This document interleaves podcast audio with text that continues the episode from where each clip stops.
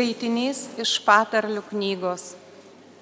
Sūnau, jei mano žodžius tu priimsi ir mano įsakymus dėsiais į širdį, jei išminčiai klausą turėsi ir išmanai širdį palenksi, jei visą pažinti tu sieksi ir išminčiai viską aukosi, jei jos kaip sidabro ieškosi ir stengsi surasti kaip paslėptą lobį, tada tu patirsi viešpaties baimę ir Dievą išmoksi pažinti. Juk išminti teikia tik viešpats. Iš Dievo burnos supratimas ateina. Doriesiems žmonėms jis pagalba, garbingiesiems skydas. Teisuolių takus jis globoja ir saugo kelius ištikimųjų. Tada tu suprasi teisybę ir teisę suvoksi, kas dora, kur kelias į gėrį. Tai Dievo žodis. Dėkuoju.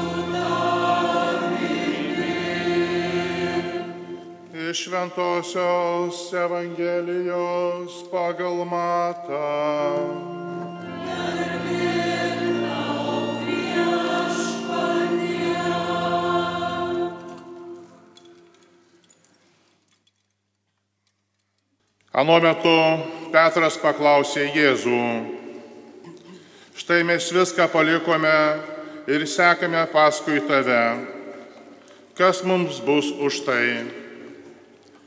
O Jėzus jiems atsakė, iš tiesų sakau jums, pasaulio atgimime, kai žmogaus sūnus sėdės savo šlovės sostę, jūs mano sekėjai irgi sėdėsite dvylikoje sostų, teisdami dvylika Izraelio giminių. Ir kiekvienas, kas paliko namus, brolius, seseris, tėvą, motiną, vaikus, dirvas dėl manęs, gaus šimteriopai ir paveldės amžinai gyvenimą Tačiau daugel pirmų bus paskutiniai ir daugel paskutinių pirmi. Tai viešpaties žodis.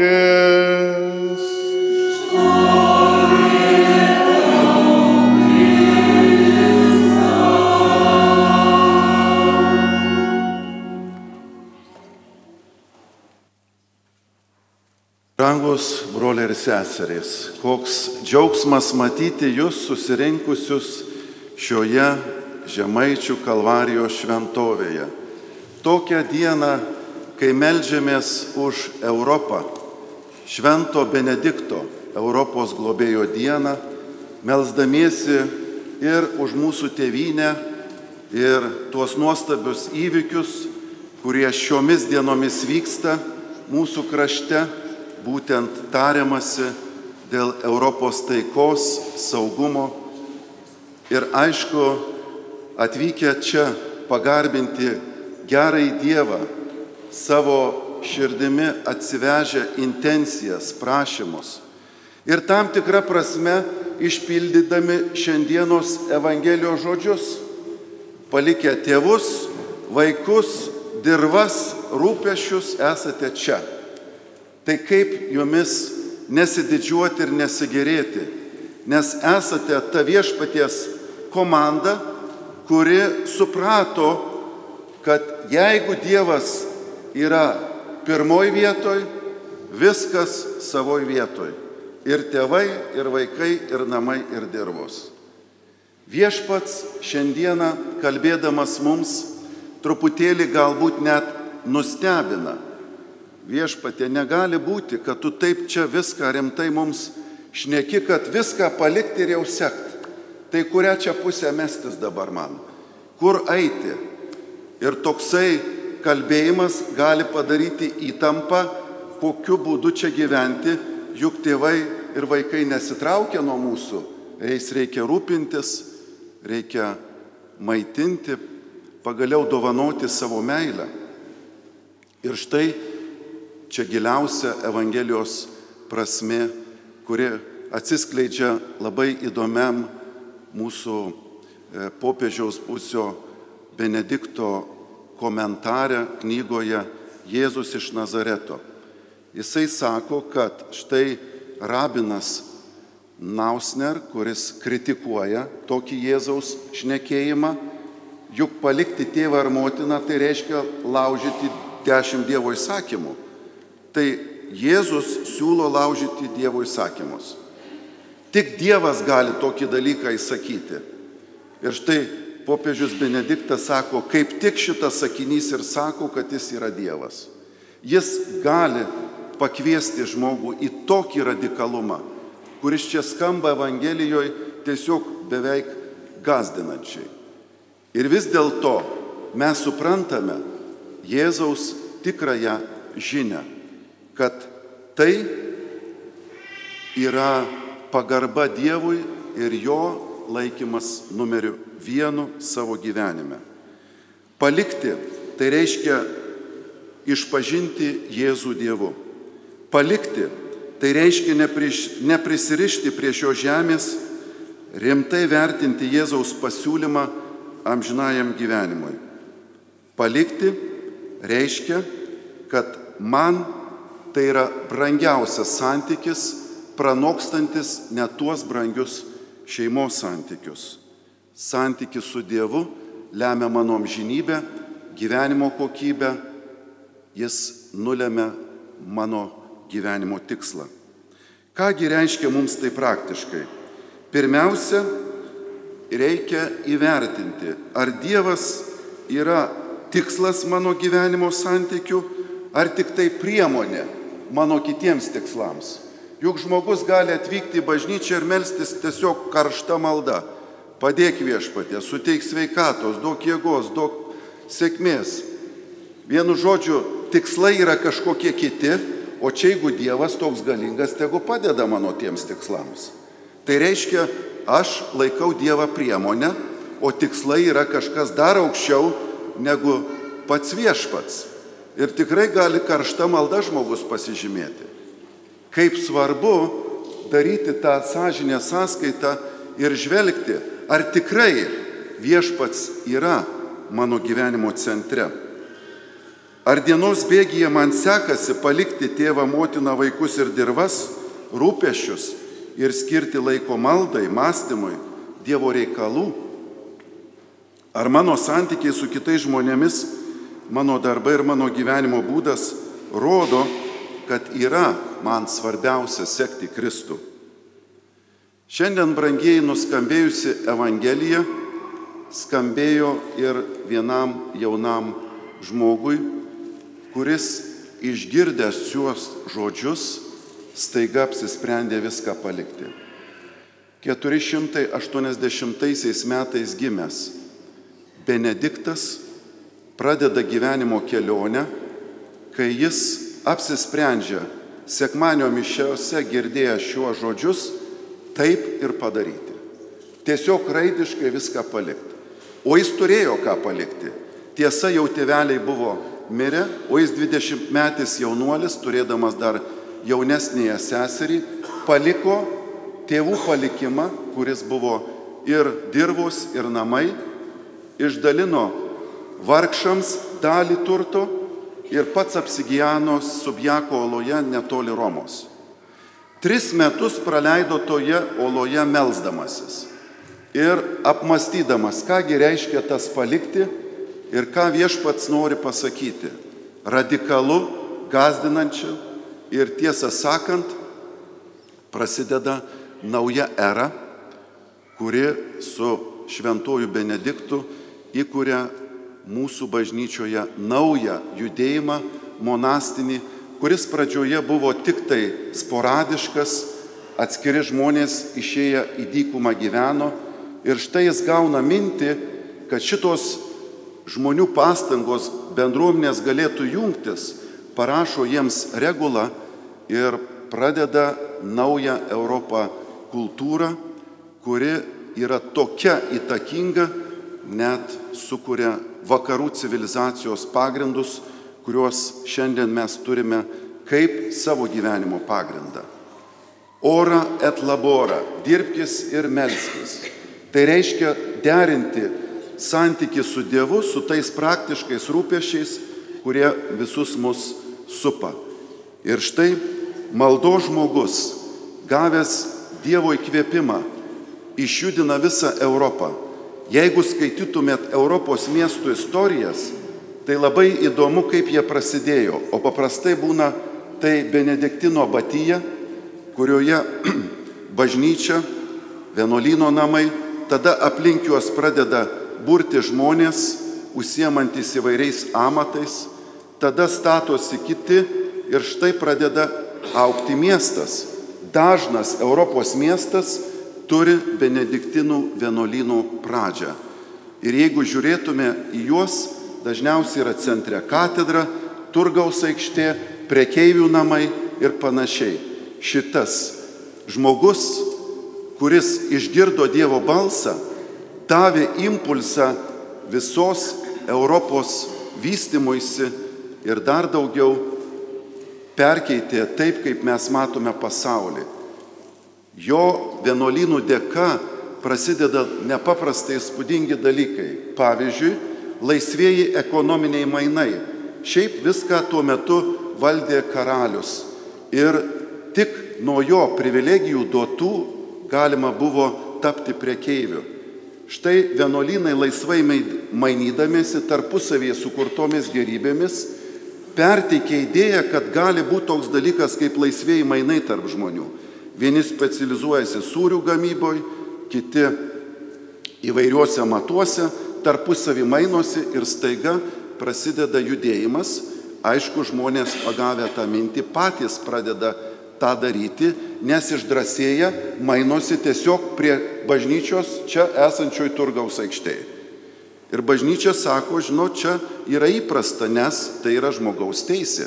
Ne tik karalius duoda teises, viešpats duoda teisę mano sukurtom gerybėmis dalintis. Idėjos kaip laiko pašventinimas, laiko planavimas, kur mes turime dabar įvairius planuoklius, kurie mūsų telefonuose čia ateina iš Benedikto minties, kad visas laikas yra toks brangus, kad reikia pašventinti laiką tiesiog. Turi būti sus, valandom sustatyta. Nuskambėjo varpas - malda, nuskambėjo mal, malda - darbas, tada polisis, reiškia, ir prigimčiai, ir žmogaus dvasiai atitinkanti ritmika, kuri ir Dievui, ir žmogui naudinga. Šiandien brangiai melžiamės už Europą ir visą pasaulį. Šiandien nepaprastai svarbi diena Vilniuje, kur kalbasi daugiau kaip 40 valstybių vadovai ir delegacijos. Ką toliau daryti, kokiu būdu sutvarkyti pasaulį, kad jis išvengtų karo, kaip sustabdyti šitą baisę nelaimę Ukrainoje. Ir čia mes, brangiai, esam geram adrese, nes mes irgi esam susirinkę, bet pajėgose, kurios yra stipresnės negu NATO. Jeigu tu tikrai tiki ir tą bandai, tu žinai, kad šitos paėgos ne iš šio pasaulio. Ir kad mes melžiame šiandien 11 Liepos, kai švenčiamas Benediktas, rodo, kad organizacija eina ir iš čia, ir iš ten. Nes tokie sutapimai, aišku, galėtume sakyti, ups, ištiko ir vis dėlto labai smagu pastebėti, kokią dieną susirinkę Vilniui šie valstybių vadovai. Tai čia tarp mūsų kalbant. Grįžtam į temą, kuri vadinasi Meldžiamės už verslininkus ir visus darbo vietas kūrenčius, kad jų pasiekti laimėjimai prisidėtų prie visuomenės gėrio. Kasgi tas verslininkas? Mes Senajame testamente žinome labai stiprų Jėzu, e, viešpaties kvietimą. Eikit ir apvaldykite žemę. Dabar atrodo čia viskas poetiška, bet kas pradeda tą žemę apvaldyti, iškart susitinka su daugybė kliučių ne tik tai vidinių, bet išorinių. Žmogus, kuris pradeda kažkokią naują veiklą, dažnai girdi tokius žodžius. Nepasiseks, jau kiti bandė, ką tu čia pradedi, nieko tu čia nepakeisi. Kas yra verslininkai, tą gerai žino, nes tą labai dažnai girdėję.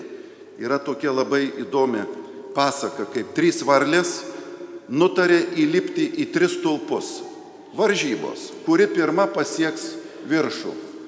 Ir pamatė gyvuliai kiti, kas čia darosi su tom varlėm, pradėjo šaukti, jūs proto turit, nuo kada varliai lip, lipa į stulpą. Nepasiseks, net nepradėkit. Nu ir ką, dvi varlės per pusę sustojo, o viena lipo ir užlipo. Tai dabar, reiškia, visos nulipio, tyrinėja, kas čia atsitiko, pasirodo, kad ta, kuri užlipo, kur čia? Negirdėjo tiesiog, negirdėjo pasiūlymų. tai kai įsiaiškino, kad jinai kur čia, tada suprato, kad šitie pasiūlymai buvo, kaip sakant, tikrai iš siauros vaizduotės.